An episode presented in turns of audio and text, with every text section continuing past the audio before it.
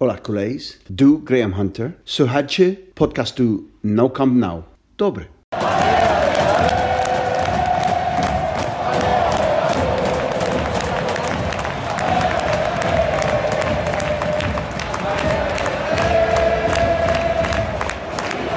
Ola Kules, witamy Was bardzo serdecznie w 78. odcinku podcastu No Camp No. Tym razem porozmawiamy sobie o wrażeniach po super istotnym meczu z Atletico i to będzie nasz główny temat oczywiście, ale też omówimy dymisję CEO Ferrana Revertera oraz już prawie oficjalny deal sponsorski ze Spotify. Jak zwykle zapraszamy do zostania naszym patronem, link znajdziecie w opisie odcinka. Podcast nagrywaliśmy w środę 9 lutego wieczorem. Vamos! Ja się nazywam Adrian Białkowski, a ze mną jest jak zwykle Michał Gajdek. Cześć Michał. Cześć Adrian, cześć wszystkim. Michał, widzieliśmy się dopiero co w Barcelonie, udało nam się nagrać nawet coś na żywo, ale na meczu z Atletico nie zostałeś. No i e, pewnie trochę żałujesz, więc e, pierwsze pytanie, jakie muszę ci zadać, to Gajdek, are you okay? Czy nie żałujesz, że ominęło cię to widowisko i przede wszystkim ten spektakularny gol twojego ulubionego obrońcy chyba w historii? Wiesz co, żałuję. Oczywiście, że żałuję. Nawet przecież tak jak sobie e, rozmawialiśmy przed tym e, meczem, jeszcze gdy się zastanawiałem, czy nie uda mi się zostać e, na nim te kilka dni dodatkowych w Barcelonie, znaczy zostać te kilka dodatkowych dni w Barcelonie, żeby zostać na niego, to tak mówiliśmy, nie, że dobra, to mecz z Atletico jak zwykle się skończy jakimś nudnym 1-0 albo nie daj Mhm. Boże 0-1 e, i w ogóle głupio będzie.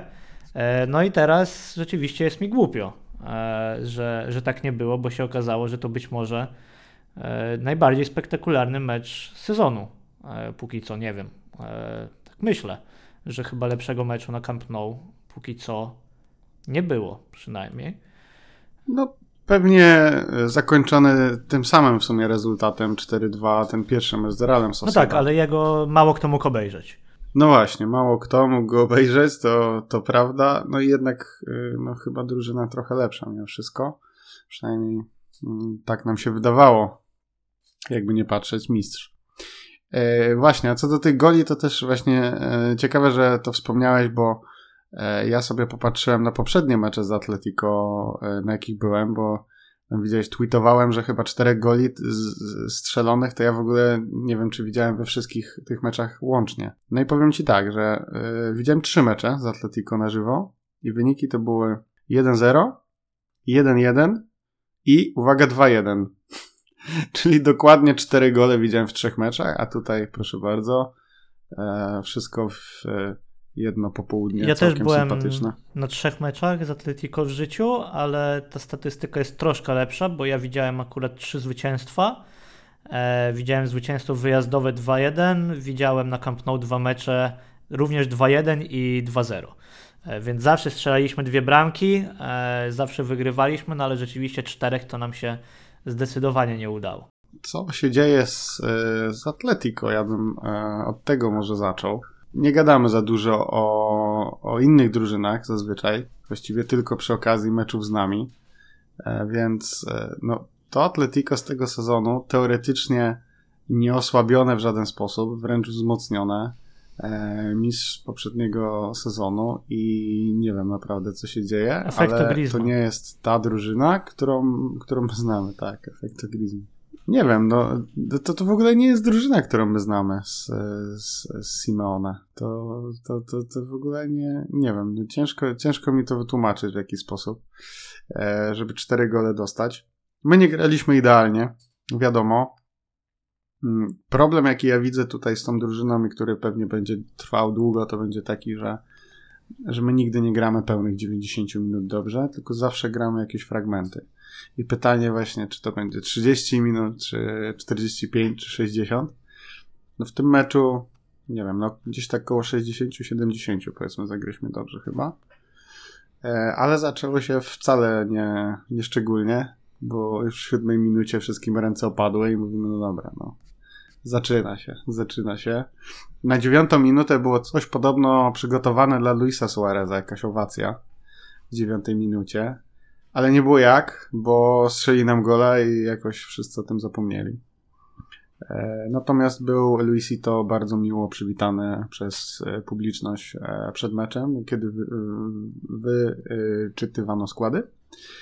Więc pamiętamy go, tęsknimy i on też po tym golu na 4-2 nie, nie celebrował Zachował się jak legenda, e, którą jest. A swoją drogą pamiętasz, e, że strzelił też Liverpoolowi i tam celebracja była pełną parą. Mecz, mecz zaczął się słabo. E, na szczęście chwilę magii wprowadził na Camp Nou Jordi Alba tym rewelacyjnym wolejem po bardzo przytomnym, słusznie, słusznie przerzucił tam Dani Alves do niego piłkę. E, nawet nie chodzi o to, że, że to na tego woleja, tylko po prostu to było dobre zagranie.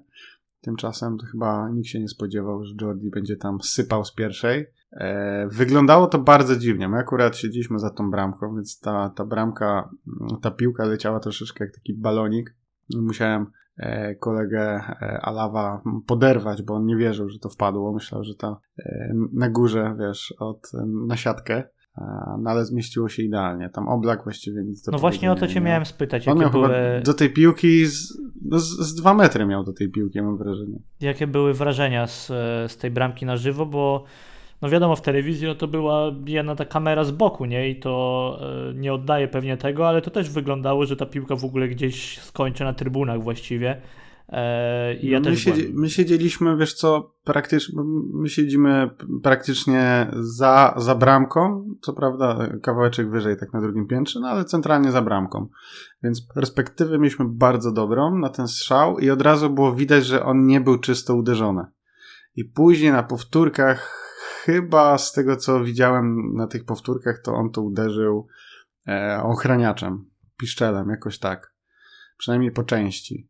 Więc było, było e, właściwie słychać i też ta, ta piłka miała taką dziwną rotację, że to nie było takie, jak to mówią e, komentatorzy, soczyste uderzenie, e, tylko właśnie taki lampion chiński, czyli wisi, wisi i spada. Jak mówił to chyba Andrzej Strejlał, używał tego określenia.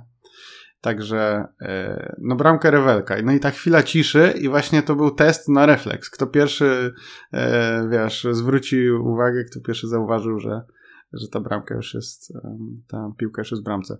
Więc e, nie no, super moment, naprawdę niesamowita bramka. Jedna z takich bramek, które na pewno, na pewno gdzieś tam e, zapamiętamy sobie.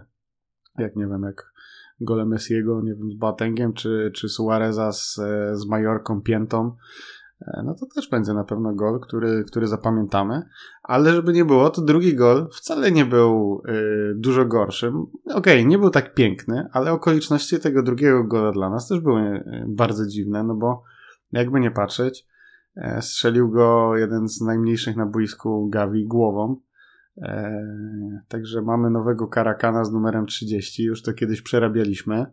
E, tam też, e, tamten, tamten Karakan pierwszy, oryginalny, też tam głową czasami strzelał, nie za dużo, ale, ale nawet i w Lidze Mistrzów w finale mu się udało, więc e, może kiedyś Gavi to powtórzy. I tu też ta piłka była odbita od, od obrońcy, już nie pamiętam od którego, ale też chyba była odbita. Nie wiem, czy też miałeś takie wrażenie. Mm, w każdym razie, mm, no też tutaj Oblak właściwie nic do powiedzenia nie miał biedny. Nie, żebym go żałował, ale, ale tak to wyglądało. No i do te, co do tego gola Gawiego, no to musimy wspomnieć tutaj, e, że zrobił go potężny Adama Traore. Jak ci się podobał debiut e, naszego superbohatera? Mm, wiesz co, początek był zwłaszcza imponujący. E, natomiast trochę szerzej nawet niż, e, niż o Adamie chciałem. Nie wiem, czy da szerzej niż Adama, ale, ale mimo wszystko. Podobno będziemy sprzedawać osobno e, prawa sponsorskie do pleców Adamy. No właśnie. Oprócz myślę, że... E, nazwy stadionu na Spotify jeszcze tam jakiś blachotrapez wiedzie chyba na plecy Adamy. No właśnie, sporo by się zmieściło. Ale nie, ja uważam, że e, Adama bardzo zyskał tak, na tym e, ustawieniu, e, które Xavi na ten mecz przewidział i to w ogóle był dla mnie najważniejszy news, e, jeśli chodzi o ten mecz, czy, czy najważniejsza informacja i wnioski z niego, bo ja szczerze mówiąc, na początku, jak zobaczyłem skład, to on mi się nie spodobał. Nie spodobał mi się przez jedną podstawową rzecz, a mianowicie tego Gawiego na skrzydle. I tak myślałem, że no do tej pory zawsze jak Gavi był na skrzydle, to było to po prostu marnowanie jego potencjału, nie oszukujmy się. E, I mhm. wyglądało to po prostu w jego wykonaniu e, dość słabo. Tak? Na pewno nie był to taki e, występ, jak, jak prezentował w środku pomocy. Tutaj natomiast Xavi miał taki bardzo, bym powiedział, prosty w swoim założeniu pomysł, ale okazało się, że, że bardzo skuteczny. Skupił nie tylko Gawiego, ale i innych zawodników, którzy no bardzo dobrze piłkę rozgrywają, czyli E, Gavi, Frankie de Jong e, i również Jordi Alba w praktycznie w dokładnie tym samym sektorze, przerzucając ten ciężar rozgrywania akcji zupełnie na lewą stronę, co właśnie powodowało to, że Atletico się siłą rzeczy skupiało w tej strefie boiska, na co my graliśmy takie długie podania crossowe na drugą stronę. I na tej drugiej stronie właśnie była Adama Traore. I ja myślę, że to było dla niego bardzo E, korzystne, bo po prostu siłą rzeczy, jak on dostawał piłkę, to nie dostawał jej tak, wiesz, do nogi po prostu, gdzie yy, dopiero musiałby się zacząć rozpędzać, coś kombinować i tak dalej, tylko raczej udawało się wcześniej tę obronę Atletico gdzieś tam zgubić, sprawić, że ona będzie w ruchu, tak naprawdę jeszcze nie zdąży się do końca yy, dobrze ustawić i w ten sposób już będzie musiała Mm, się przed tym naszym atakiem bronić. I myślę, że to mu bardzo pomogło. E, I on tę swoją rolę do pewnego momentu, to zaznaczę, wykonywał perfekcyjnie według mnie. E, no, Mario Hermoso, no nie wiem, no, szczerze mówiąc, e, nie był. No nie jest to wybitny obrońca, umówmy się. No właśnie, nie jest to wybitny obrońca, było to doskonale też e, widać. On na pewno no, nie grał, że tak powiem, wielkiego spotkania, to bardzo mało powiedziane. Jestem ciekawy, jak sobie paradoksalnie poradzi Adama z lepszym przeciwnikiem, jakkolwiek to nie zabrzmi w kontekście tego, że właśnie wygraliśmy z mistrzem Hiszpanii. E, ale myślę, że tutaj będą piłkarze, którzy będą stawiać mu e, bardziej, że tak powiem, daleko idące wymagania. Nawet tak jak w drugiej połowie z Atletico się to już działo, gdzie już Adama nie błyszczał, jednak nie oszukujmy się. Ale ta pierwsza połowa i to wejście, te pierwsze kilkanaście minut naprawdę imponujące. E, no brawo, no to jest coś, czego, czego oczekiwaliśmy. Nie tylko jeżeli chodzi o, o samą ofensywę, tylko jak mówi Adam Nawałka, zarówno w ofensywie, jak i w defensywie, ale, ale rzeczywiście no pressing e, bardzo wysoko po utracie piłki w jego wykonaniu. Z tego zresztą padła ta bramka Jordiego Alby, że przecież my przechwyciliśmy tę piłkę, już nie, nie pamiętam czy to był Adama, czy to był Pedri, który też był dość ciekawie ustawiony, bo, e, bo to on towarzyszył e, Adamie na tym prawym skrzydle praktycznie cały czas i sporo było takiej małej gry między nimi. E, odzyskali piłkę praktycznie w polu karnym Atletico i dzięki temu zdobyliśmy tę bramkę. E, tak więc naprawdę, naprawdę fajnie to wyglądało, no bo jak masz takiego gościa jednak z przodu, czy to właśnie on, czy, czy Gavi, no to masz zawodników, którzy gdzieś tam dokładają ten poziom agresji, mają e, wysoko i czy mają bardzo dobry start do piłki, na pewno na tych pierwszych metrach potrafią sporo, sporo zyskać i to było fajnie, bo było, bo było po prostu widać tego, tego efekty. Więc ja byłem bardzo zadowolony, ale tak jak mówię, na pewno bym tutaj jeszcze nie przesadzał z tym, że, że to wiesz, będzie jakieś zbawienie i że to jest y, genialny mhm. transfer mm. i w ogóle takiego skrzydłowego to nie mieliśmy od czasów Neymara, albo w ogóle zaraz będzie i lepszy od Neymara, bo, no, bo myślę, przesady. że tak nie jest jednak mimo wszystko, ale, przesady, ale fajnie to wyglądało. Nie, e, naprawdę. Powstrzymajmy swoje konie, e, jak tu mówią, e, dajmy mu chociaż te kilka meczów E, kilka rzeczy właśnie, bo też e, wspomniałeś o tym Pedrim. To momentami wyglądało w obronie szczególnie, to wyglądało jakbyśmy grali 4-4-2, gdzie dwoma napastnikami, Pedri i Gavi. To byli dwaj nasi najbardziej wysunięci zawodnicy do pressingu. To było bardzo ciekawe.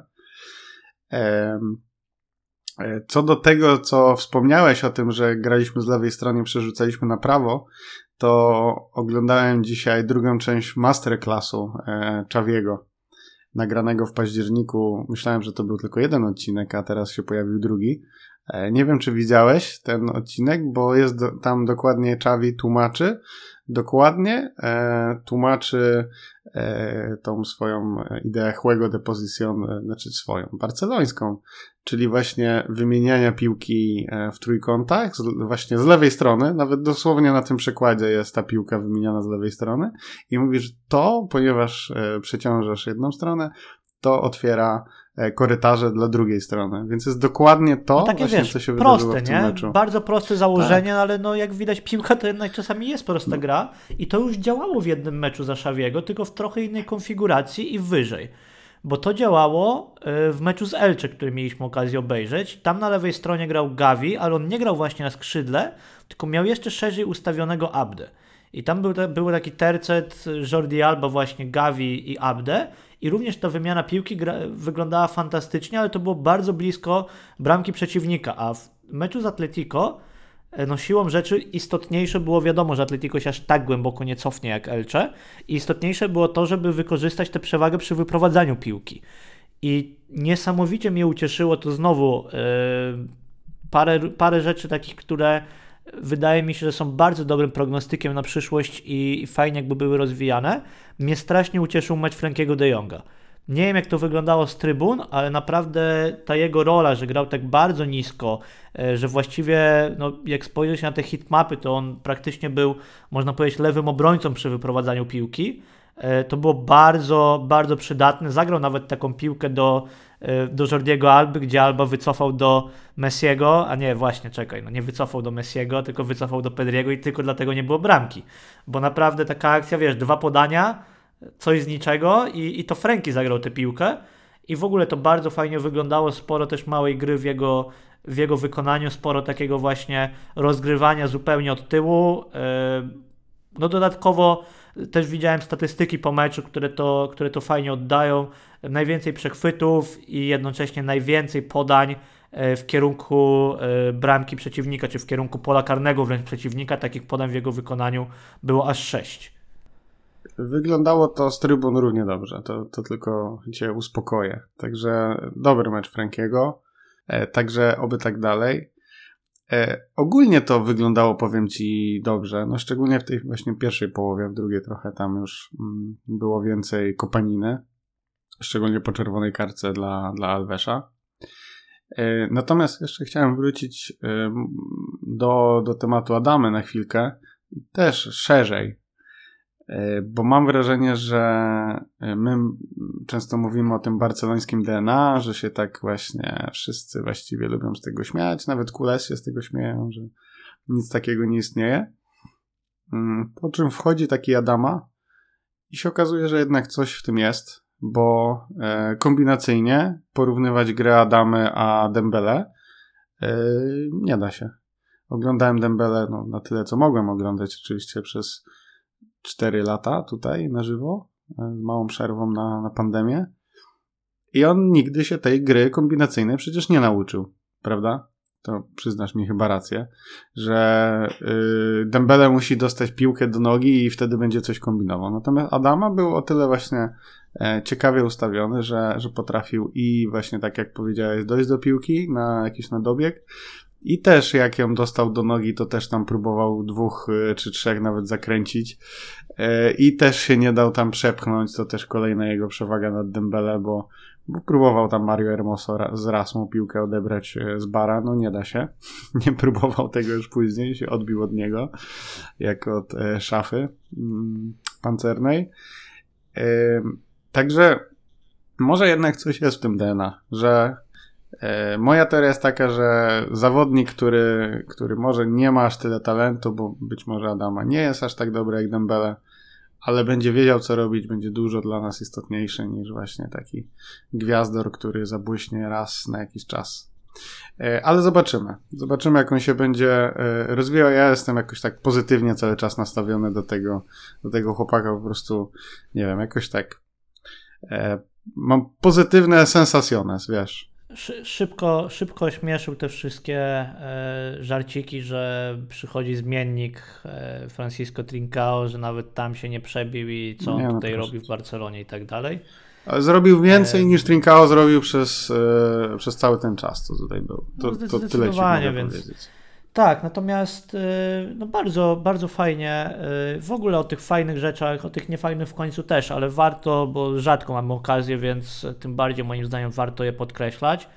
E, to, na co ja zwracałem też już wcześniej uwagę e, na Twitterze, dosyć e, w szerszy też sposób, prawie tak szeroki jak Adama, to pozycja Daniego Alvesa w tym meczu z, z Atletico. Mm, to nie jest tak, że Xavi tutaj odkrył Amerykę, broń Boże. No, sposób, znaczy ustawienie bocznego obrońcy tak, żeby w obronie on rzeczywiście był bocznym obrońcą, ale w ataku był tak właściwie kolejnym środkowym pomocnikiem, który będzie pomagał przy wyprowadzaniu piłki. No to nie jest wymysł Szawiego, żeby, żeby nie było. Myślę, że w tej współczesnej piłce go, go bardzo mocno spopularyzował Pep Guardiola. E, poczynając od Filipa Lama, tak, e, teraz mamy João Cancelo e, w podobnym, w podobnym wykonaniu. No, no i Xavi tego spróbował, tak, kimś po drodze, no i, i tak dalej. Natomiast fajnie to wyglądało. Daniel Alves wygląda w tej roli naprawdę, naprawdę przyzwoicie, zwłaszcza w tej kreacji. I znowu to był taki element, który pozwolił nam na zwiększenie tej liczby zawodników wyprowadzających piłkę, na otoczenie Sergio Busquetsa właśnie tymi zawodnikami żeby umożliwić mu małą grę, żeby umożliwić też szybszą wymianę piłki, a nie tak jak to czasami bywało, że koledzy są daleko i za specjalnie nie ma komu podać, zwleka, cofa e, albo co gorsza traci piłkę. E, fajnie, naprawdę fajnie to wyglądało, no natomiast e, niestety jak już widać, że Xavi rozwiązał, możemy powiedzieć, jakiś problem, czy fajnie coś wymyślił, no to nagle się okazuje, że nie będzie mógł tego skorzystać przez najbliższe cztery mecze, bo za bardzo, no bardzo, bardzo głupią czerwoną kartkę. E, nie spodziewałem się po Dani Malweszu takiego zachowania zupełnie. E, został on zawieszony na dwa mecze. Nie zagra ze Spaniolem, nie zagra e, z Walencją. No i nie zagra również z Napoli ani w pierwszym meczu, ani w wyjazdowym, bo nie został po prostu zgłoszony do Ligi Europy. W związku z czym będziemy mieć cztery kolejne mecze bez niego i tak się zastanawiałem nad tym, kto taką jego rolę mógłby przejąć, bo oczywiście Serginio Des, który się pojawił za, za niego na boisku, zagrał całkiem przyzwoite spotkanie, e, to trzeba przyznać. Natomiast on mhm. zupełnie się do takiej roli nie nadaje. E, to, to zupełnie jest. E, ja raczej... wiem, kto się nadaje. Mam takiego e, prawego obrońcę, który lubi też e, grać jako pomocnik i właściwie to, to jest pomocnik, z którego zrobiono prawego obrońcę. Ale śmiej się, śmiej się, ale ja uważam, że jakby był zdrowy, mówimy o Sergio Roberto oczywiście, to on by się w tej roli mógł sprawdzić. On by się mógł, mógł sprawdzić, się sprawdzić tylko, ale się nie tego, sprawdzi, co, bo go nie co, ma.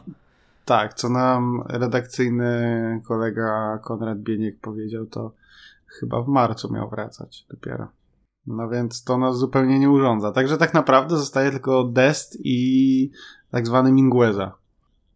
Tak, i ja się powiem Ci szczerze, zacząłem zastanawiać też, e, znaczy nie sądzę, żeby to się stało i myślę, że nikt nie będzie tym bardziej eksperymentował teraz, ale trochę mnie boli po tym ostatnim meczu też to, że zobacz, ten Gavi na skrzydle, myślę, że był też efektem tego, że Xavi nie chciał rezygnować z żadnego z pomocników że jednak chciał wystawić i Sergio Busquetsa, i Pedriego, i Frankiego de Jonga. Wszyscy trzej zagrali, zagrali przyzwoite spotkania, jeden mniej, drugi, e, drugi bardziej być może. No i gdzieś tam jednak chciał zmieścić Gawiego.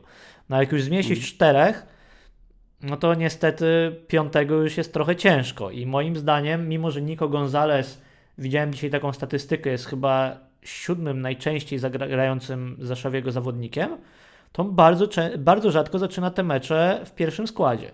Jest e, jedynym, który grał we wszystkich meczach, taka ciekawostka. No właśnie, ale nie bardzo rzadko od pierwszej minuty. Ja ci no powiem właśnie, szczerze, że tak. uważam, że to by była dla niego bardzo ciekawa rola. E, właśnie takiego człowieka bardziej od rozegrania od tyłu. Nie wiem, jak on by sobie poradził oczywiście w bronieniu. E, jeśli Wiemy, jak by sobie poradził na skrzydle bardziej. na pewno. Tak, Bo to już nie poradził sobie niestety. ostatnio, no. ale z drugiej strony Gawiego też widzieliśmy, że sobie nie radził i, i jednak się okazało, że, że może nie, sobie poradzić, nie, natomiast myślę, nie. że nie będzie tutaj nie będzie tutaj eksperymentów. E, myślę, że jednak to będzie czas dla Serginio Desta i nie chcę być złym prorokiem, ale wydaje mi się, że jeżeli Xavi będzie od niego wymagał takiej gry jak od Daniego Alvesa w meczu z Atletico, to się to skończy katastrofą po prostu.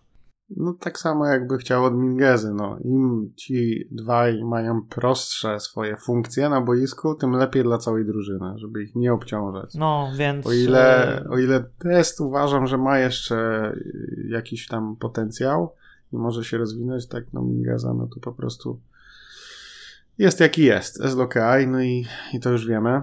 Także jest to, jest to bardzo martwiące. No i teraz oczywiście można było go zgłosić do Ligi, Ligi Europy, no ale kto wiedział, że złapie czerwoną kartkę i, i to jeszcze tak głupią. No także miał bardzo, do tego momentu miał świetne spotkanie Dani, bo przecież e, asysta właśnie tam, tam przy pierwszym golu.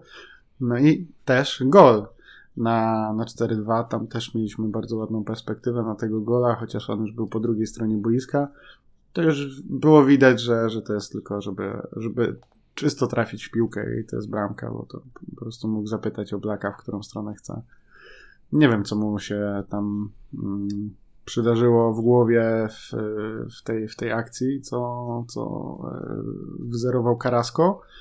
E, my tego nawet nie zauważyliśmy tak do końca, bo szliśmy już za piłką, a on tam właściwie nawet w piłkę to nie próbował atakować. Także nie podobają mi się oczywiście te dwa mecze zawieszenia, ale też nie mogę powiedzieć, żeby trochę na nie jednak nie zasłużył. Jakby to było no niestety, jakiś... Niestety mm, głupia, to głupia było, wiem, sytuacja. Casemiro bardzo. wiadomo, że nie byłoby dwóch, tak? Pewnie byłaby tylko żółta. No ale, ale to nie jest Casemiro. Niestety Dani e, immunitetu nie ma. I co jeszcze się w tym meczu takiego pozytywnego? Jak już mówimy o pozytywach, to, to warto, jak mówię, rzadko mam okazję, więc, więc fajnie wydaje mi się pochwalić pochwalić drużynę, bo jest za co. Mm, to może teraz pochwalę no, trochę przez Araujo. Naganę, bo, Okay. bo tak jak wspomniałeś, rzeczywiście zaczęliśmy grać gorzej w pewnym momencie, ale ja paradoksalnie uważam, że drużyna sobie dużo lepiej poradziła od momentu, jak grała w dziesiątkę. Że ten moment, w którym e, Atletico zrobiło tę potrójną zmianę, zaraz potem Suarez strzelił bramkę, e, my zrobiliśmy, zrobiliśmy dwie zmiany, pojawił się Aubameyang, potem pojawił się Nico. To był ten moment taki, gdzie pachniało po prostu no, kolejną bramką jakąś straszną nerwówką. Natomiast od momentu, jak zaczęliśmy grać w 10 i skupiliśmy się tak właściwie tylko na obronę, nie wiem, czy to pozytywnie wpłynęło na koncentrację, czy, czy co tutaj zaszło, ale Atletico to chyba za specjalnie nawet strzału nie oddało. Mimo, że grało, wiesz, goniło wynik i grało ponad 20 minut z przewagą jednego zawodnika. No ja nie pamiętam żadnej groźnej sytuacji praktycznie już wtedy.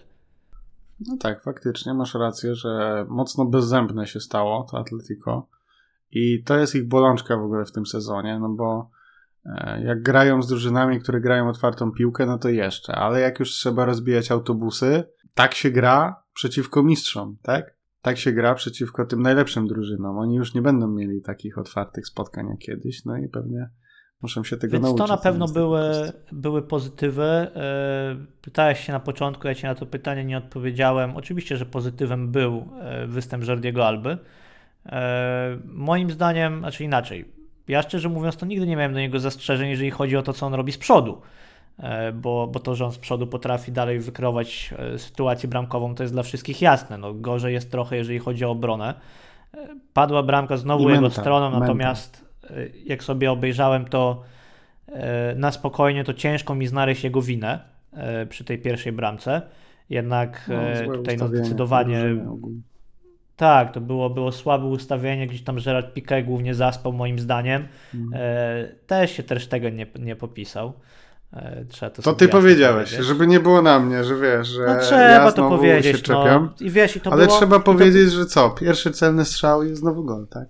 I to było strasznie frustrujące, wiesz, bo to tak jak mówisz, była no, która, siódma, ósma minuta, e, Mm. a już do tego momentu było widać naprawdę sporo pozytywnych rzeczy. I wiesz, było widać, że drużyna wyszła z fajnym nastawieniem, że rzeczywiście te e, pomysły są, że jest jakaś koncepcja, jak to Atletico ugryźć. My praktycznie cały czas atakowaliśmy, no i nagle jest jedna akcja i jest problem.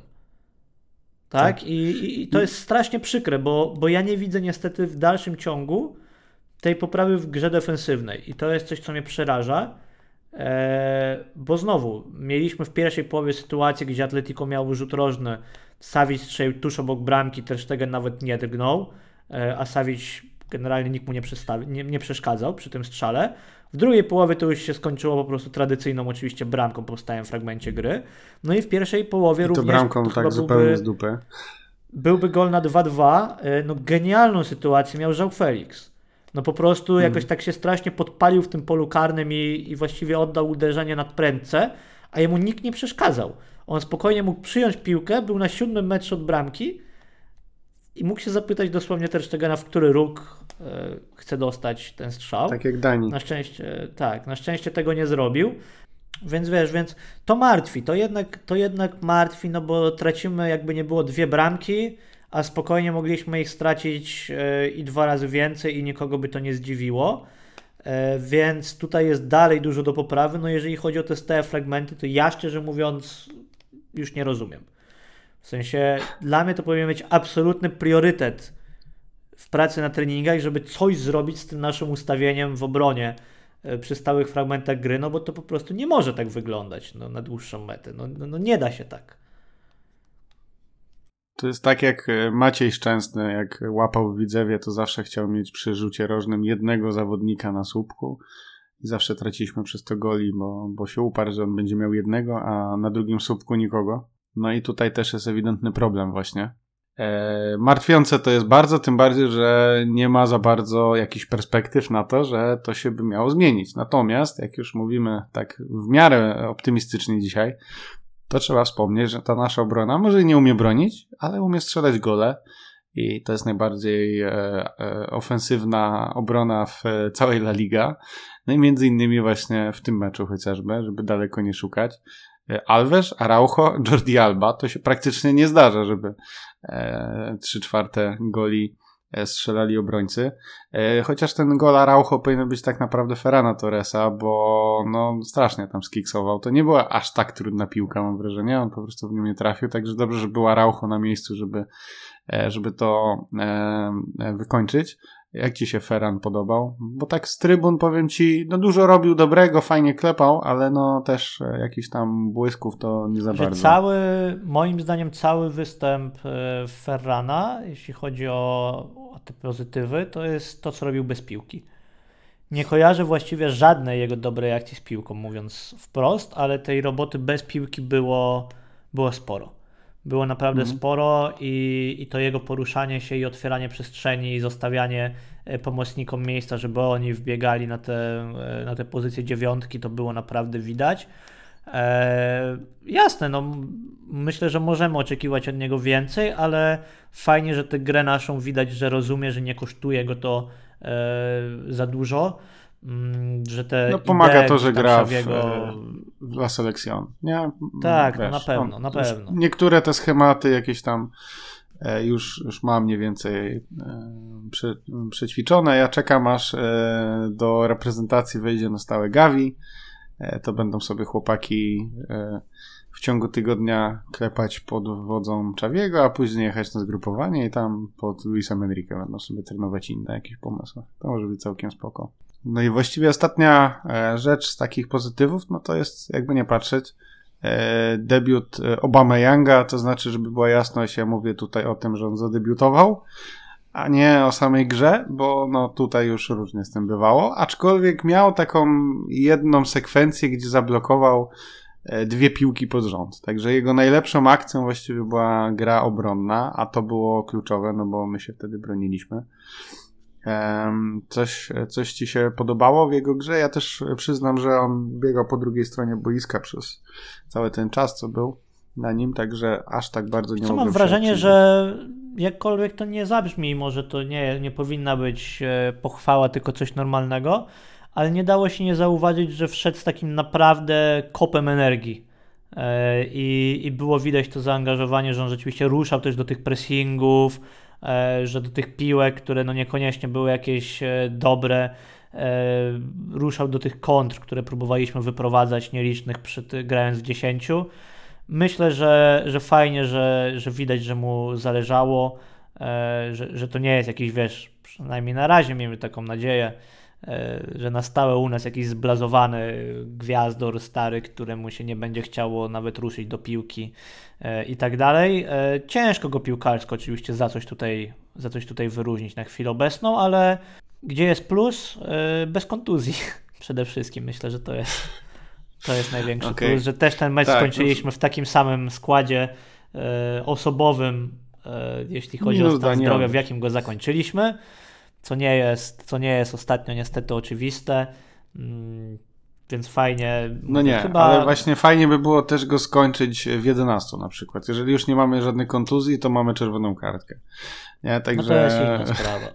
nigdy nie może być e, zbyt e, perfekcyjnie w tym klubie.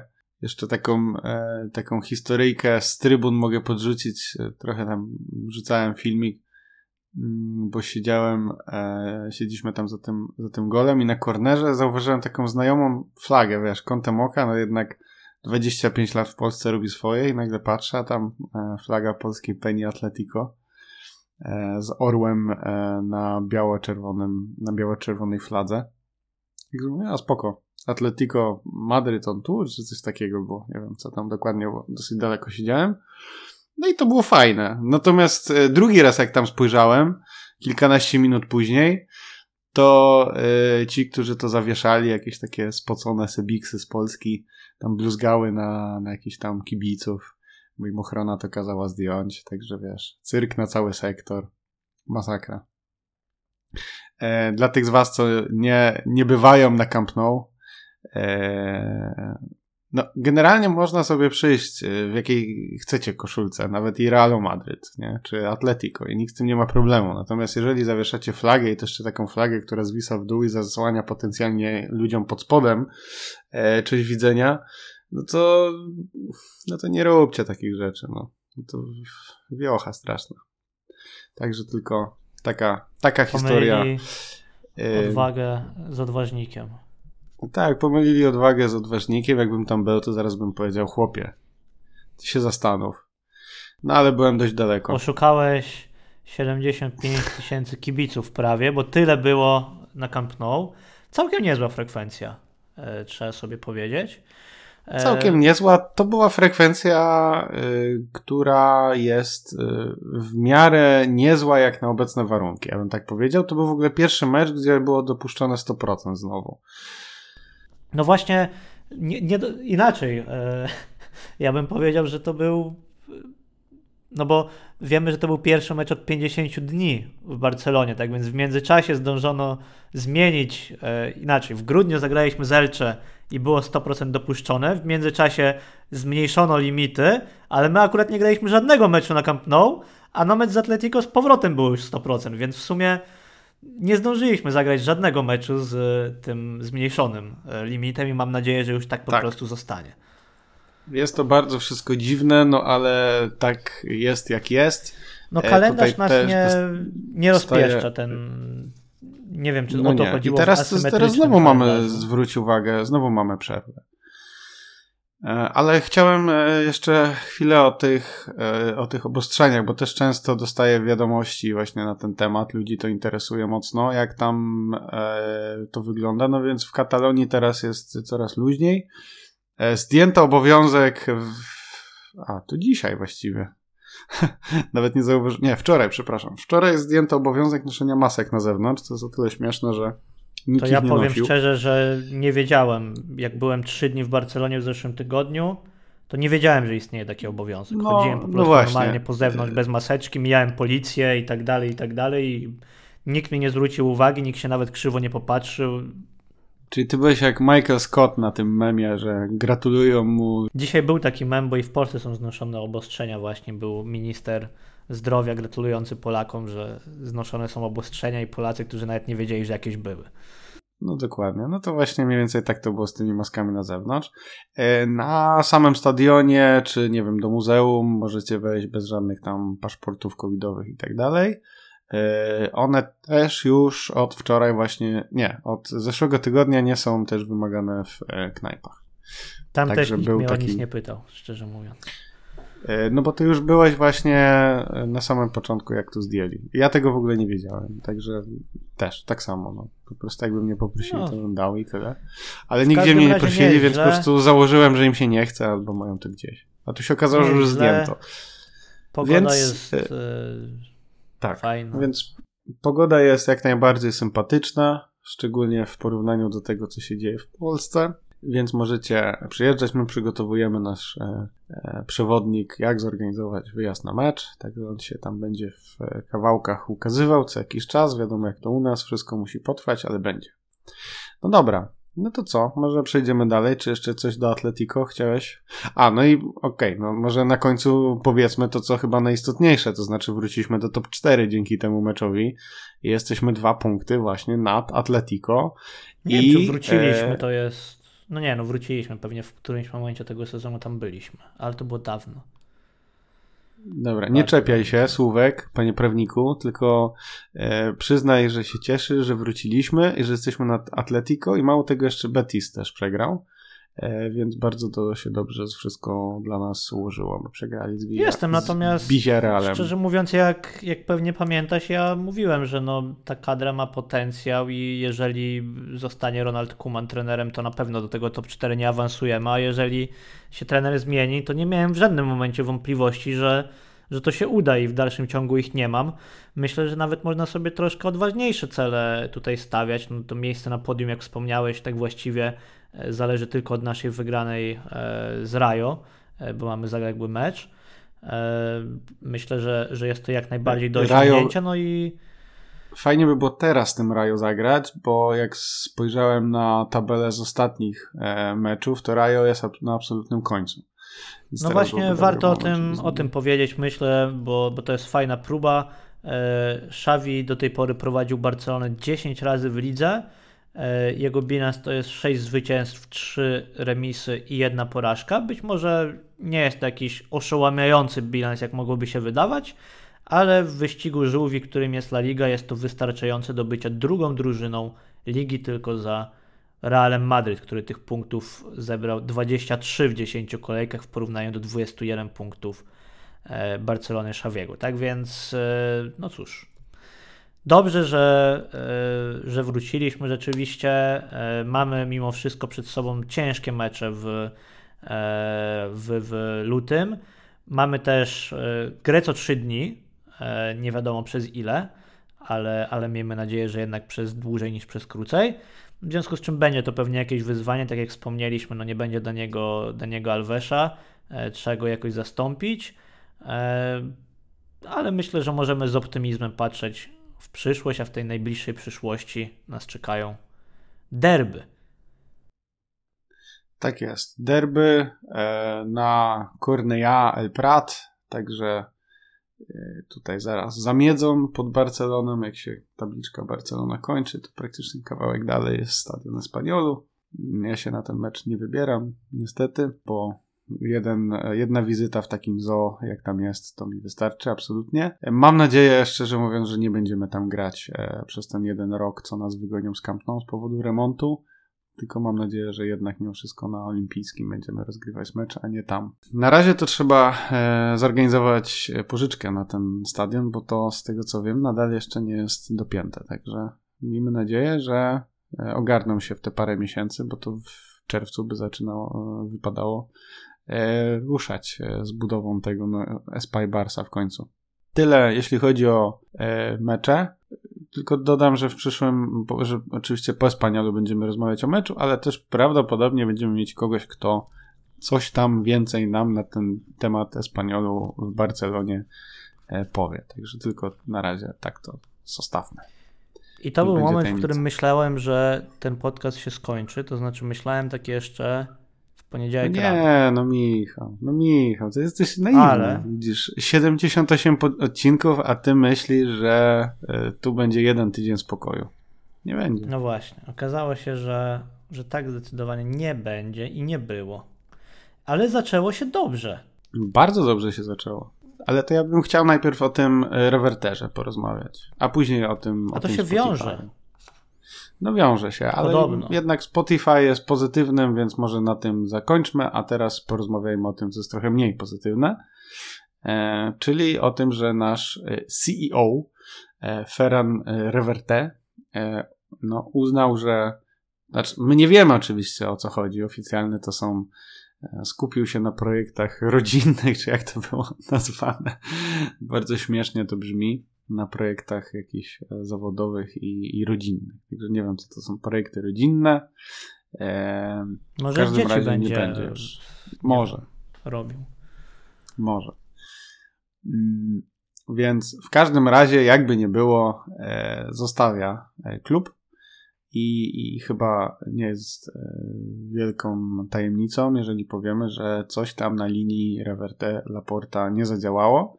I z tego, co tutaj wiemy, to prawdopodobnie pan Ferran stwierdził, że jednak te e, zasady, które on e, wyniósł z biznesu, będąc na przykład CEO Mediamarktu, także całkiem sporej e, firmy, jakby nie patrzeć, no nie do końca się da przełożyć na warunki piłkarskie. A nie do końca się da przełożyć na warunki piłkarskie, bo prezydentem i ostatecznie osobą decyzyjną jest Jean Laporta, który takich na przykład nowinek no, nie lubi. No i co ty na to? Będziesz tęsknił za panem Reverte? Wiesz co, może i będę, natomiast zacząłbym raczej od czegoś innego, bo w ogóle to było absolutnie fascynujące, że każdy ma, każdy zwykły kibic, jak wiemy, ostatnio w Barcelonie musiał się doedukować z bardzo różnych e, aspektów. My zresztą też taką akcję edu- edukacyjną prowadzimy trochę, tak? Tutaj jakieś, wiesz, limity zarobków, e, zasady rejestracji zawodników, e, wcześniej jakieś burofaksy, e, wiesz, takie dziwne, naprawdę bawi- niezwiązane, niezwiązane ze sportem czy z piłką nożną by się wydawało tematy. No i teraz nagle się okazało, że nikt o tym człowieku prawdopodobnie nie słyszał jeszcze parę dni temu, a teraz każdy ma na jego temat wyrobioną opinię. To mnie niesamowicie bawi, bo ty mówisz właśnie CEO, ale dobrze, co się w ogóle pod tym tytułem kryje i jaka jest realna funkcja takiego człowieka w klubie? Może zacznijmy od pytania. Mam do ciebie pytanie i przy okazji do naszych słuchaczy. E, czy jesteś mi w stanie powiedzieć, czy jesteście w stanie sami sobie odpowiedzieć na pytanie, kto jest CEO czy tam dyrektorem wykonawczym Realu Madryt? Ile razy w życiu słyszałeś to nazwisko? W sensie, dla mnie cała, cała zabawa, czy cała ironia tego wszystkiego i mówienie o różnicach między Laportą a Ferranem Reverterem jest o tyle zabawna, że w normalnych klubach, znaczy normalnych, nienormalnych klubach, ich zwał, tak zwał, ale to jest absolutnie oczywiste, że takich różnic po prostu nie ma, bo ten człowiek, no, pełni rolę po prostu zupełnie inną, czy on jest bardzo pod stanowiskiem prezydenta, czy prezesa klubu. Odpowiadając na pytanie, Przede wszystkim, jak sobie... ja słyszę CEO, to wydaje mi się, że to jest osoba, która zarządza daną firmą, tak? To już pomijając tam nomenklaturę. Nie wiem, CEO Facebooka jest Zuckerberg. Tu akurat jest bardzo dobre, yy, bardzo dobre tłumaczenie na polski, moim zdaniem bardzo wymowne, to jest dyrektor wykonawczy. I dyrektor wykonawczy ma za zadanie wykonywanie czynności, tak? Jak sama nazwa wskazuje, ale takie, które mu zostaną tak. przez kogoś zlecone. To nie jest tak, że on kieruje właśnie e, tą spółką, tym klubem, tą firmą i decyduje o tym wszystkim, co się będzie działo. Nie, bo nad nim jest zarząd, który akurat w Hiszpanii ma to do tego, że jest po prostu ciałem kolegialnym i jeżeli masz tych członków zarządu 5, 10, 15, no to żeby oni nie musieli się podpis podpisywać pod każdym jednym kwitkiem yy, i żeby nie musieli się wszystkimi sprawami codziennymi zajmować, to oni się spotykają, wybierają dyrektora wykonawczego spoza zarządu i ten dyrektor wykonawczy sobie potem działa, ale on działa w takim zakresie, w jakim zarząd mu pozwoli działać. Po prostu. Tak? I Tak, teraz czyli tak odpowiadając sobie na pytanie, które, Prawdziwym które ci zadałem. CEO, prawdziwym CEO Barcelony jest Laporta, po prostu. Nie no, wiesz co, myślę, że można by się było. Dobra, nieważne, bo, bo, bo, bo pod względem prawnym to, to akurat nie ma żadnego sensu. E, odpowiadając na pytanie, które poprzednio zadałem, bo może komuś się to e, nazwisko skojarzy, jestem absolutnie pewny, że nie. E, dyrektorem wykonawczym Realu Madryt jest niejaki pan Jose Angel Sanchez. E, a jeżeli wam się wydawało, że nie wiem, na przykład nie słyszeliście, bo dopiero co został powołany albo coś w tym rodzaju, e, to ten człowiek był dyrektorem wykonawczym Realu od 2000 roku do 2008, odszedł z Florentino Perezem i wrócił w 2011. I od tego czasu przez 11 lat znowu jestem dyrektorem wykonawczym i nikt o nim przez te 20 lat prawie sprawowania funkcji chyba nie słyszał. No ja na pewno nie. E, ale czemu my rozmawiamy o Realu właściwie? Dlatego, żeby pokazać, że, bo do tego właśnie zmierzam, bo wiemy i ty też tak, tak powiedziałeś, że mamy do czynienia z rozbieżnościami na linii Revertella Porta. No to wiesz, no to, to są rozbieżności na zasadzie, ja też mogę powiedzieć, że mamy do czynienia, jeżeli, będziemy, jeżeli ja będę miał w pracy do czynienia z rozbieżnościami na linii ja, moja szefowa, to te rozbieżności się usunie w bardzo prosty sposób. I dokładnie w takiej, jak stało się tutaj. No ja nie będę musiał pisać oświadczenia, że to jakieś projekty rodzinne e, i tak dalej, ale po prostu albo się dostosuje ze swoim zdaniem, albo się nie dostosuje. I, i tak to po prostu funkcjonuje, więc e, myślę, że. No tak, no ale też słuchaj, jeżeli chodzi o to, żeby wziąć kogoś, kto będzie tylko od wykonywania woli zarządu, jak to przedstawiłeś, to nie trzeba brać gościa, który był dyrektorem jednej z największych firm w Hiszpanii. Ale on jest od sobie, tak wykonywania Bartomeu, tych rzeczy. Nie, on jest Przypomnijmy, od... że u, Bartomeu, tym CEO, był Oscar Grau, który y, no, był znany z tego, że był dyrektorem sekcji piłki ręcznej i to było jego doświadczenie. Nie, nie, ja wiesz, ja bynajmniej nie chcę, nie chcę deprecjonować tak zupełnie e, tej roli tego dyrektora wykonawczego, bo to jest ważna funkcja. Natomiast to nie jest funkcja, która odpowiada za wizję tego, w jaką stronę klub powinien podążać, e, za takie zupełnie przekrojowe tematy. Tutaj myślę, że dobrym przykładem jest The Office. Jak wiadomo, tamta struktura zupełnie nie działała, ale jak mieliśmy przez pewien czas co-managerów, tak, Michaela od e, tych czynności właśnie wizji i tak dalej, do Jima, który zajmował się tymi day-to-day -day topics, można powiedzieć, Wiadomo, jak to się skończyło, jest bardzo nieefektywne, ale to jest mniej więcej taki podział, bym powiedział. Okej, okay, ale no, mimo wszystko yy, on na pewno miał coś do powiedzenia i na pewno miał coś, yy, miał jakieś swoje pomysły, które chciał wdrożyć, tak? Zresztą też rozmawialiśmy o tym dzisiaj, że yy, że tam chyba miał inną wizję na, na ten fundusz CVC. E, też podobno nie zgadzał się z transferem Ferrana Torresa, bo uważał, że to nie jest dobry moment na takie zaangażowania znaczy, Najprostsza finansowe. linia podziału, znaczy naj, najprostsza linia podziału jest taka, że wszystko, co się wiązało z wydatkowaniem pieniędzy czy z patrzeniem, możemy powiedzieć krótkoterminowym, Reverter mówił, że to nie jest dobry pomysł, a Laporta albo go słuchał i dawał się przekonać, albo tak nie było. No podobno z tego, co wiadomo, nigdy się pewnie nie dowiemy wszystkiego, ale brzmi to całkiem wiarygodnie. To te główne linie podziału to był temat właśnie po pierwsze CVC, Leo Messi, Superliga, e, gdzie tutaj e, Reverter patrzył powiedzmy przychylnie na ten projekt Superligi, nieprzychylnie na skupienie się na pozostaniu Leo Messiego, a zwłaszcza, żeby to zrobić za pośrednictwem umowy z CVC i tutaj, jak wiemy, e, został wysłuchany, ale już w kolejnych tych sporach, e, właśnie jak wydanie 55 milionów e, w zimowe okienko transferowe na Ferrana Torresa, czy właśnie podobno ta umowa sponsorska ze Spotify na najbliższe 3 lata, wysłuchany nie został i myślę, że gdzieś to mogło ukuć jego, jego ambicje po prostu i spowodować w konsekwencji odejście. I wydaje Natomiast... mi się jeszcze, do, dorzucę jeszcze jedną rzecz, wydaje mi się, ponieważ e, nie wiem, czy pamiętasz, że bardzo nas łączono w tych kwestiach sponsorskich z jakimiś e, kryptofirmami. E, wydaje mi się, że to był jego pomysł, bo nie sądzę, żeby Laporta sam z siebie wpadł na to, żeby jakiekolwiek kryptowaluty reklamować na koszulkach, jak on pewnie nawet nie wie, co to jest. E, więc nie, myślę, oczywiście. że to właśnie była, była, była idea e, Revertera i być może nawet byśmy mogli dostać więcej niż od tego Spotify. E, ale no nie wiem, dla mnie uważam, że to jest dobry ruch wizerunkowo, że wzięliśmy trochę mniej pieniędzy. Tak, natomiast od firmy, jeszcze do tego, do tego rewertera i ta główna linia podziału gdzieś tam zasadzała się podobno wokół tego, jak w ogóle klub ma wyglądać w przyszłości. E, to znaczy, no dla otoczenia tego powiedzmy, i żeby nie było, ja tego nie mam zamiaru przedstawiać, czy nie chcę tego przedstawiać w taki sposób, że tu jest wszystko czarno-białe i Laporta podjął same dobre decyzje, a Reverter sugerował same złe i tak dalej. Nie, absolutnie, absolutnie i, i w ogóle nie. E, natomiast no jedno właśnie musi być jasne i to jest coś, co może zbyt dobitnie wyraziłem. Ośrodek władzy w klubie jest jeden. To jest prezydent, który jest wybierany przez Socios. Jak szedłeś, ja niestety nie miałem okazji, ale. Czyli przez suwerena.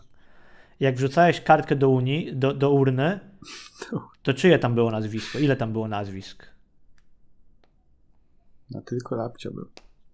No właśnie. No i tak, tak ten system działa, chcąc, nie chcąc. I e, wiesz, mówienie właśnie takich rzeczy, bo pojawiły się teraz i myślę, że to jest temat, który jest bardzo ciekawy i warto mu poświęcić zdecydowanie więcej czasu niż jakiś tam segmencik tylko w podcaście i na pewno to zrobimy. E, ale podobno ta główna linia podziału właśnie polegała na tym, że Ferran Reverter uznawał, że być może trzeba odejść od tego tradycyjnego modelu Socios. E, być może e, trzeba by było iść w kierunku na przykład takim, jak jest w Niemczech, czyli żeby dopuścić w jakimś zakresie prywatne firmy, gdzieś tam zostawiając oczywiście ten głos decydujący w e, rękach kibiców, ale jednak go trochę marginalizować. Natomiast dla Laporty podobno było to zupełnie nienegocjowalne. E, w ogóle nie było o czym rozmawiać i, i dla niego było absolutnie jasne, że, że to się stać nie może. I jak mówię, ja myślę, że to jest super ciekawy temat i, i takie za i przeciw różne warto sobie porozważać, ale to, nad czym ja nie mam wątpliwości, to, co do czego nie mam wątpliwości, to jest właśnie to, do czego nawiązałem przed chwilą.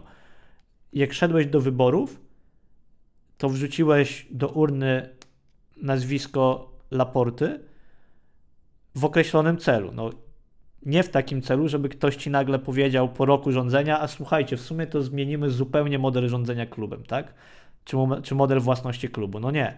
Jeżeli ktoś chce coś takiego zrobić, to śmiało, nie ma problemu, tylko niech wystartuje z takim hasłem w kampanii wyborczej, niech te wybory, niech do swojej wizji przekona, niech te wybory wygra i niech to zrobi. Po prostu. Bo wiesz, no nie po to i okej, okay, jak mówię, to pewnie będzie większa debata i to nie jest tak, że my nie zdajemy sobie sprawy, jakie te mechanizmy socios są niekiedy skostniałe. No ja będąc na tych zgromadzeniach, gdzie przychodzi kilkaset osób na kilka tysięcy uprawnionych, no to przecież zawsze wracałem z tego wkurzony praktycznie. E, ale to w dalszym ciągu nie tak powinno wyglądać. No nie może być tak, że sto kilkadziesiąt tysięcy ludzi jest uprawnionych do głosowania na najważniejszą osobę w klubie, ta osoba zostaje wybrana, a potem się okazuje, że przychodzi jakiś człowiek z zewnątrz i on jednak uznaje, że dobry pomysł by był, żeby zmienić zupełnie model własnościowy klubu, nie? W sensie, no nie, nie po to masz jakieś tam warunki, żeby zostać prezydentem, być socją od 10 lat i tak dalej, żeby wziąć jakiegokolwiek biznesmena, który mógłby kierować każdym korpo. Przed chwilą to było Mediamarkt, E, za chwilę będzie jakaś inna firma, w międzyczasie jest FC Barcelona i żeby ją przekształcać w takie, wiesz, korpo. No, moim zdaniem to jest w ogóle horrendalne i, i na ten temat Ale nie ma też zauważ, zauważ, nie wiem czy zauważyłeś, że e, już e, Twitter zawrzał wczoraj i już właściwie wszyscy to by albo byli za zmianą, albo się chociaż chcieli zastanawiać nad zmianą i w ogóle nie wiem, znaczy inaczej, ja jak mówię, ja jestem skłonny się nad tym nawet zastanowić i myślę, że sobie poświęcimy temu osobny odcinek, ale no, na ale pewno nie się jest dopiero to... zastanawiał, ale, ale no nie jesteś w tym momencie przekonany, bo nie, my praktycznie nic jestem... o tym nie wiemy. A wczoraj już widziałem e, potężne analizy o tym, że właściwie model niemiecki to jest lepszy.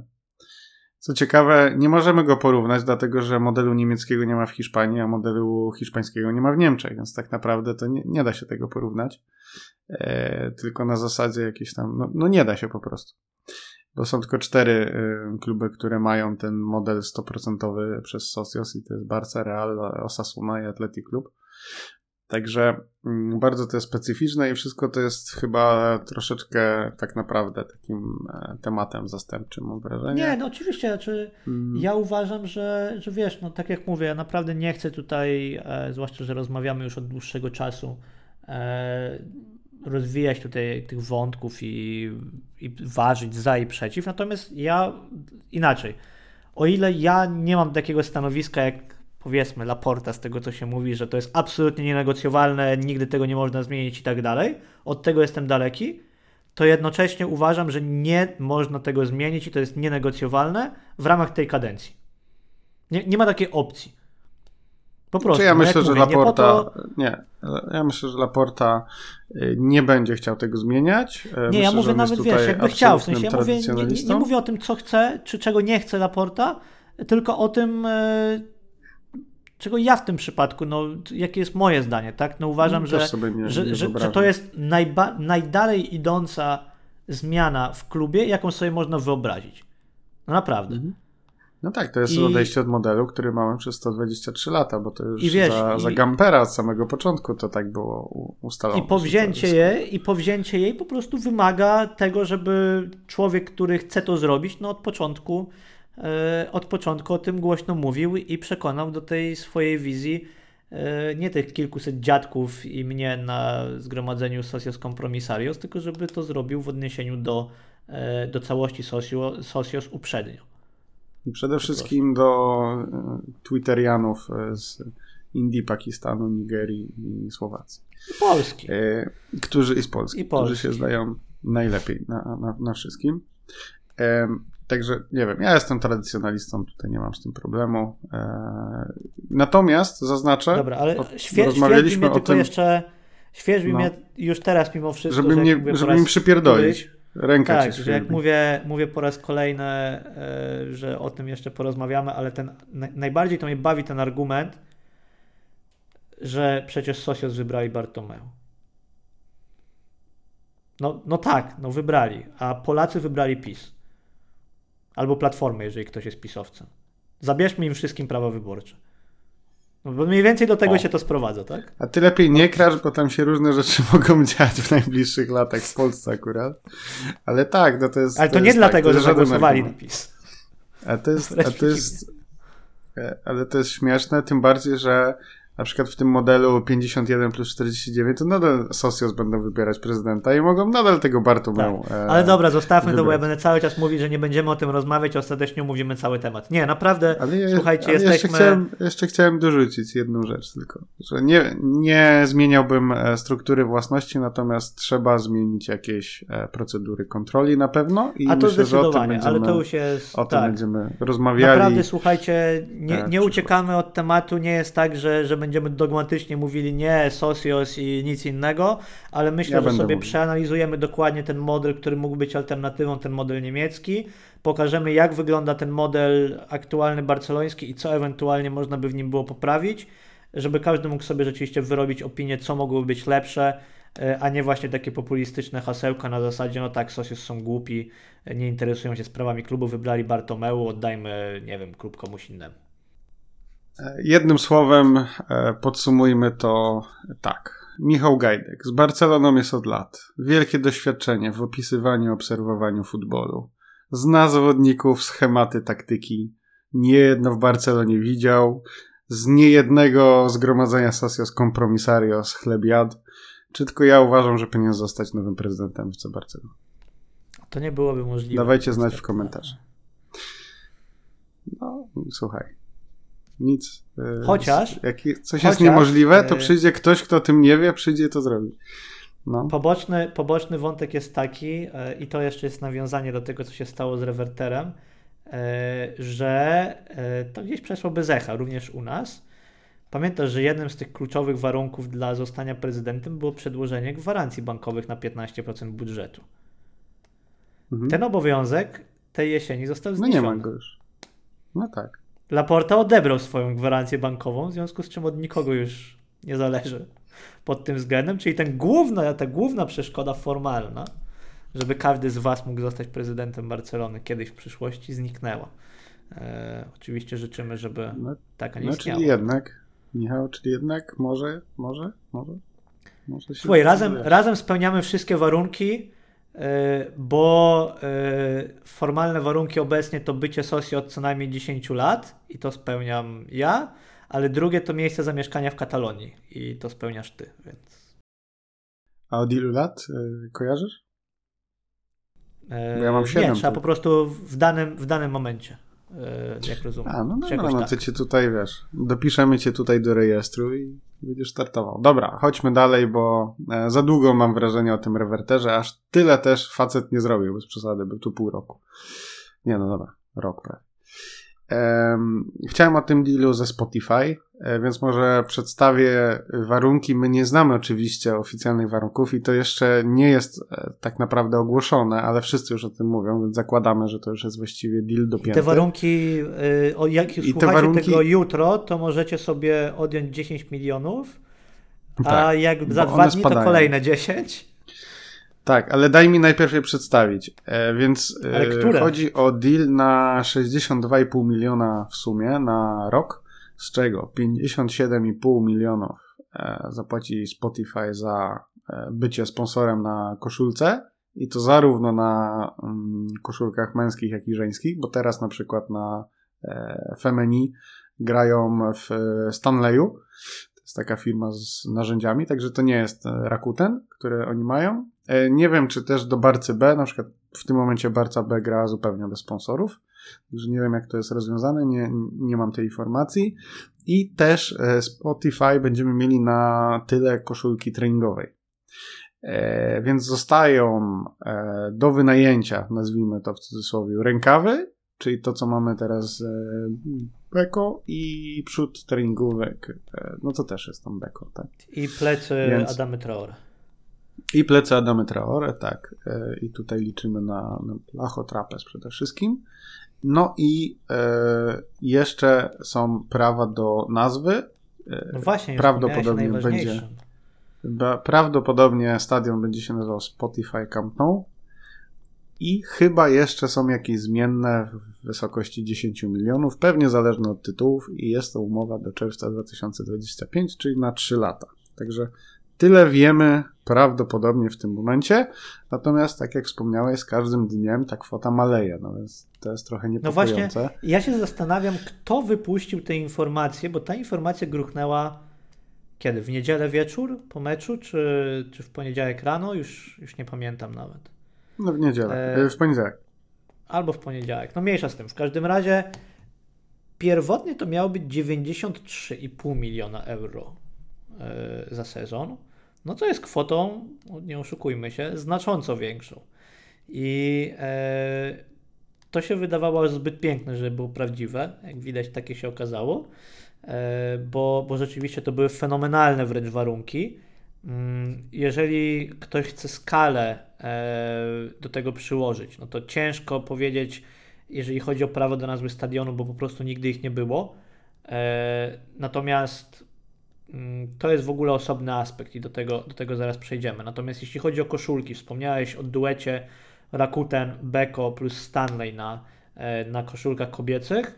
Rakuten to było 55 milionów euro za koszulki pierwszego zespołu e, przed pandemią, co istotne. W ostatnim sezonie za czasów pandemii 30 milionów euro e, za sezon.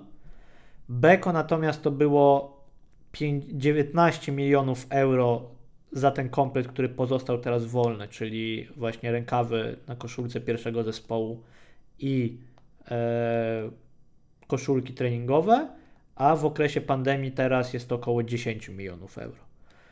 Czyli możemy powiedzieć, że w tym szczytowym momencie, no do tego dochodzi jeszcze oczywiście Stanley, który coś tam dopłacał, za, za koszulki kobiece. W tym szczytowym momencie my dostawaliśmy za taki zestaw, bez jeszcze tych praw do stadionu, 76 milionów euro za sezon, ale już w tym roku, w tym sezonie pandemicznym, dostawaliśmy za taki sam zestaw już tylko 42 miliony. Teraz będzie to 62,5, y, do których dorzucamy, że tak powiem, w ramach dealu All Inclusive również prawo do nazwy stadionu. No i to jest o tyle ciekawe, tak mi się przynajmniej wydaje, że na chwilę obecną te prawa zostały wycenione tylko na 5 milionów euro, ale ja nie do końca no bo to myślę, jest, to jest na tylko... ten okres, kiedy stadion będzie remontowany, a jak już zostanie ukończony, to ma być 20 milionów. Co ma sens. No bo właśnie, tak? wiesz, chodzi o to, że te umowy na nazwę one są z reguły bardzo długoterminowe. No bardzo długoterminowe. Są po prostu długoterminowe. E, może tak?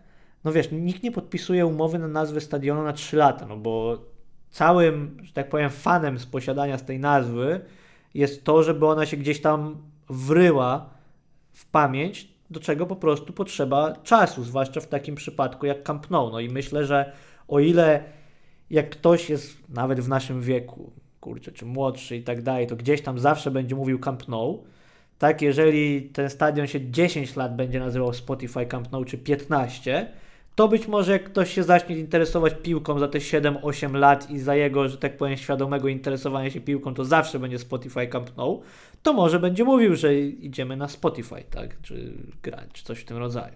Nie, no właśnie ja bym tu rozróżnił dwie rzeczy, bo są dwa jakby title rights i naming rights. Nie pamiętam już, który jest który, nieważne. Chodzi o to, że jedno to jest właśnie obok, czyli Spotify Camp Nou, a drugie to by było właśnie to, co mówię, czy na przykład jakby się nagle z tego zrobiło Spotify Arena. Nie? To to już jest zupełnie co innego i, i to drugie oczywiście byłoby dużo więcej warte i to drugie byłoby dużo groźniejsze. Natomiast takie jak jest Spotify Camp Nou, i tak każdy na to będzie mówił Camp Nou, dopóki faktycznie ten, ta, ta nazwa jest technicznie e, w tym, na tym stadionie. Także zobaczymy. No to jest, to jest inny temat, tak, ale zmierzam, zmierzam po prostu do tego, że e, nikt nie podpisuje takiej umowy na 3 lata w okresie, w którym, e, tak jak wspomniałeś, będzie remont, w okresie, w którym w ogóle przez pewien czas nie będzie rozgrywanych meczów na Camp Nou czy Spotify Camp Nou. No po prostu, no nie, to, to, to nie da się tak powiedzieć, że wiesz, że ktoś za to płaci 5 milionów euro za sezon, bo to nie jest tylko 5 milionów za sezon, tylko to jest aż bo płacisz tak naprawdę nie wiadomo za co do końca. E, więc e, ja myślę, że to jest bardziej pomyślane właśnie długoterminowo i żeby tę kwotę zwiększać i pod tym względem uważam, że ta umowa właśnie fajnie, że jest na taki krótki okres, bo no, chyba wszyscy mamy nadzieję, że w tym 2025 roku, gdzie zostanie ona, gdzie dobiegnie ona ku końcowi, po prostu będzie to y, dużo bardziej korzystna sytuacja dla Barcelony i dużo lepsze warunki się nam uda wynegocjować wówczas. Mhm. Jeszcze tylko dodam ciekawostkę. A propos tego, mówię, że nikt na parę lat tego nie wynajmuje, no więc e, nikt może nie wynajmuje, natomiast zdarza się tak, że na przykład jakaś firma zostaje przejmowana przez kogoś albo sprzedawana. I wiem, że jest jakaś, tylko nie mogę sobie teraz przypomnieć, ale jest jakaś arena w Stanach Zjednoczonych NBA chyba, która zmieniała nazwę cztery razy przez ostatnie kilka lat. A to nie, to ja sobie wyobraź Dla jaki, mnie to jest zupełnie wiesz, odrębne. E, tak, dla mnie ale to, to tylko tak, taki fun fact, nie? Że, że zdarzają się takie sytuacje i wtedy ci biedni ludzie muszą być strasznie e, skonfundowani, jak właściwie, gdzie my idziemy. No dobra, a co do samego Spotify'a? Mm, jesteś zadowolony, czy wolałeś na tak. przykład Polkadot, czy Amazona, czy nie, jestem bardzo. Qatar Airways. Jestem bardzo, e, bardzo zadowolony. E, myślę, że musisz już właśnie przestać e, namawiać do słuchania na YouTubie. To jest chyba oczywiste. Gdzie teraz trzeba będzie słuchać podcastów. Natomiast jestem bardzo zadowolony. No, znamy tę firmę, gdzieś tam korzystamy z jej usług podobają nam się one. Myślę, że nie ma żadnych wątpliwości moralnych co do źródła pieniędzy. Wiem, że jakieś tam się, no ostatnio jest afera e, dosyć duża ze Spotify. E, niektórzy to w ogóle jest przezabawne, łączą ją właśnie z tym, że ta cena akcji poszła w dół właśnie z tą zapowiedzią, że, e, że będą sponsorować FC Barcelonę. To w ogóle jest kolejny temat, który no, niesamowicie mnie rozbawił w ostatnim tygodniu. Widziałeś tę znaczy, twitterową akcję? Musisz powiedzieć, wiesz, nie każdy z naszych słuchaczy kojarzy, o czym mówisz, o, o, o jakiej aferze, jakich problemach wizerunkowych. Ja szczerze mówiąc do końca też się nie orientuję, powiem, powiem ile wiem, może chyba, że ty się orientujesz to, bardziej. To jak się, jak się nie orientujesz, to ja powiem, tak, bo ja się orientuję. E, chodzi o chyba największego podcastera na świecie w tym momencie. Gość się nazywa Joe Rogan i jest takim trochę dzikim trenerem zmiksowanym ze Stanowskim i zna się na, na wszystkim generalnie, zaprasza różnych ludzi, ale wiesz, no ludzie go słuchają i zaprasza też tam ludzi między innymi, którzy no byli delikatnie mówiąc antyszczepionkowi. E, ja tych podcastów nie słucham, także nie powiem ci e, w szczegółach o co chodzi, no ale y, część y, różnych środowisk, część też muzyków, którzy byli na tym Spotify'u, stwierdziła, że no albo on, albo my. I tacy muzycy jak ja nie wiem, czy ja, czy ja dobrze, czy ja tego nie przekręcam, ale Neil Young bodajże, usuną w związku z tym swoje e, utwory z platformy Spotify, więc e, tak, możesz wygooglować w międzyczasie, czy jest ktoś taki. W każdym razie są to muzycy absolutnie niszowi. Jezu, ten Neil Young, przepraszam, ja myślałem, że to jest jakiś nowy nie no, tego Neila Younga to ja znam, bez przesady. Ty też znasz. E, no w każdym razie ludzie, którzy słuchają Nila Younga, nie słuchają go zazwyczaj na Spotify. Umówmy się. Więc e, tak jak na tym memie, straty wyniosły 21,37 zł. E, więc nie są to żadne straty dla Spotify.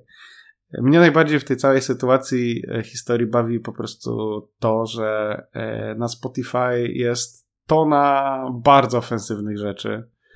E, nie wiem, no. weźmiesz weźmiesz jakiegoś doktora Dreya ze Snoop Dogiem, wiesz, z tych czasów e, gangsta rapu, no przecież tam są takie rzeczy, że żaden podcaster w dzisiejszych światach by w dzisiejszych czasach by tego nie mówił. Są dużo bardziej ofensywne, rasistowskie, seksistowskie i tak dalej, jakie tylko tam chcecie, e, niż to, co on tam mówi. E, więc e, nie chcę go bronić, natomiast uważam, że jest to taki dosyć, to jest taka burza w szklance wody i, i życzę każdej firmie, żeby miała tylko takie problemy wizerunkowe, bo to nie jest żaden tak. problem.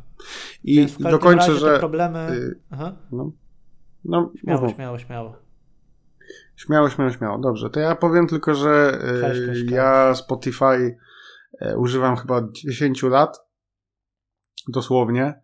E, poznałem kiedyś na jakimś tam wyjeździe jakiegoś Szweda, który pracował w ich biurze i w ogóle mi pokazał, co to jest w ogóle Spotify. Nawet tego chyba w Polsce jeszcze wtedy nie było.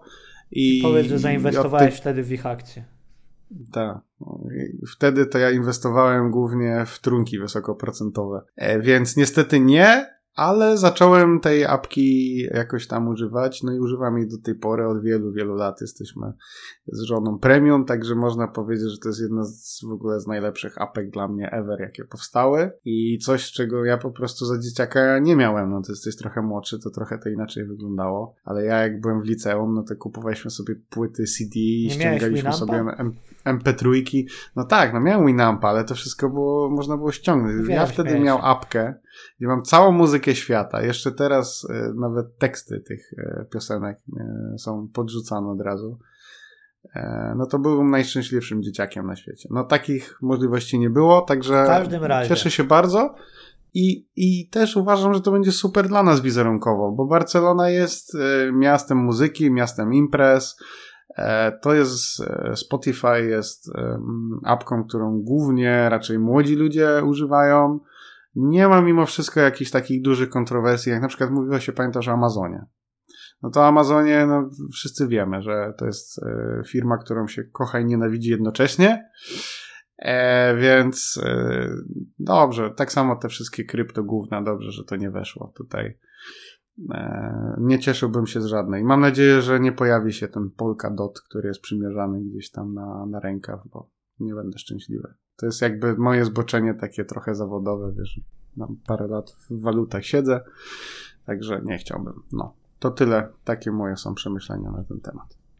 Ja na końcu mam segment do. E, chyba nas słuchają kibice Realu czasami, ale e, bynajmniej nie kieruję tego do nich, bo myślę, że nas słuchają inteligentni przede wszystkim ludzie, w tym kibice Realu. Natomiast e, został rozpoczęty bojkot na Twitterze. Bojkot kibiców Realu, którzy wypisywali się Jezus. właśnie, y, anulowa anulowali swoje subskrypcje, bo no bo właśnie Spotify ma e, Barcelonę, mm, Barcelonę sponsorować. E, część z nich chyba nawet uwierzyło, że właśnie ten spadek wartości akcji się wiąże z, tym, z tą informacją o, o sponsoringu. On się oczywiście wiąże z tą aferą, o której wspomniałeś. Natomiast ja mam taki właśnie segment yy, kierowany do kibiców Realu. Słuchajcie, co musicie jeszcze w swoim życiu zrobić? Po pierwsze tak, żadnych najaczy e, buty, e, nie wiem, koszulki, bluzy, dresy, cokolwiek, nie. Spójrzcie, Rakutena, Ale też no to żaden zakładam, Adidas. Ale słuchaj, Rakutena żaden zakładam, Adidas, który że- przez pół, pół życia sponsorował Adidas przecież plus Tak. Rakutena zakładam, że, że i tak nikt nie ogląda w Polsce, to akurat w porządku i tak zaraz ich Tego nie będzie. nigdzie nie ogląda. Ale spójrzcie, spójrzcie, czy nie macie czasem, nie wiem, lodówki, e, zmywarki z, czy czegoś w tym rodzaju z Beko. E, Nie możecie grać e, w Pro Evolution Soccer, bo, bo tutaj mamy Konami. Nie możecie dobre. się ub- ubezpieczać w Aliansie. E, Nie możecie spożywać napojów wyprodukowanych e, czy to przez Gatorade'a, czy przez Coca-Colę. E, Nie możecie również używać szamponu Head and Shoulders, jeżeli ten bojkot miałby być skuteczny. Tak więc no, życzę powodzenia. Tak jest. Pewnie jeszcze parę firm. No. Jak mieszkacie w Barcelonie, to nie możecie iść do CaixaBanku. Przede wszystkim nie możecie nigdy Estrei pić. Ja, ja, ja wymieniłem oczywiście te, które są znane w Polsce, bo oczywiście ta piramida sponsorska jest bardziej rozbudowana, natomiast jest tu sporo też firm, czy to działających albo właśnie w Kuprami Katalonii, nie albo, można też jeździć. albo w Azji. E, ostatnio, żeby, o właśnie, bo może powinniśmy, dzisiaj był wspomniany w podcaście Sergio Roberto, nie wspomnieliśmy, że ostatnio e, obchodził 30 urodziny, życzymy wszystkiego najlepszego jak najdalej od FC Barcelony, ale pojawił się również dzięki temu sponsor. Jest to niejaka firma Shiseido, Shiseido Men konkretnie, jest to producent kosmetyków e, dla mężczyzn do pielęgnacji skóry, a jej twarzą został właśnie Sergio Roberto. Ma takie bardzo ładne zdjęcie, no bardzo ładny chłopiec, nie, nie powiem. Bardzo ładny chłopiec. Powiedział Michał. No więc e, nie mam nic do dodania w kwestii sponsoringu przez e, Shiseido. Przepraszam, ale właśnie odpaliła mi się jego reklama tego. y, Podrzucimy ją potem, bo, bo myślę, że to jest całkiem spoko. E, Bo tutaj jest, wiesz, na początku jest, że on tam stoi z jakąś e, kobietą i ona mu tam ten krem nakłada i on się tam nim smaruje, natomiast potem uważaj, co się dzieje.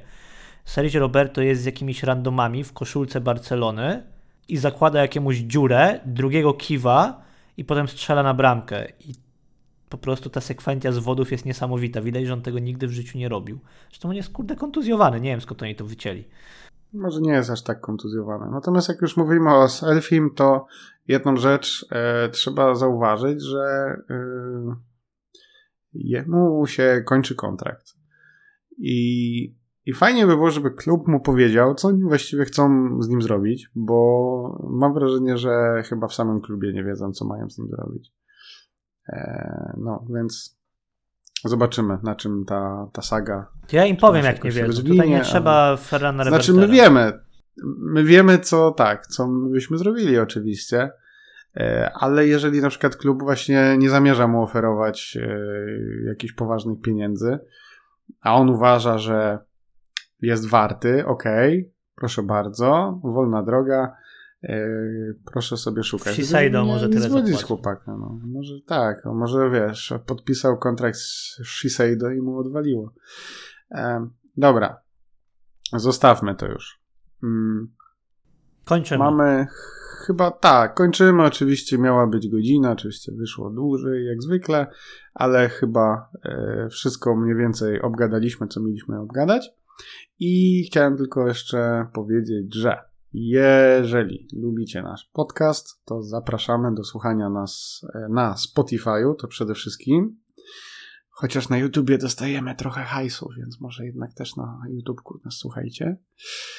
I możecie też nas e, wspierać poprzez patronite.pl ukośnik no. Link jest oczywiście w opisie tego odcinka.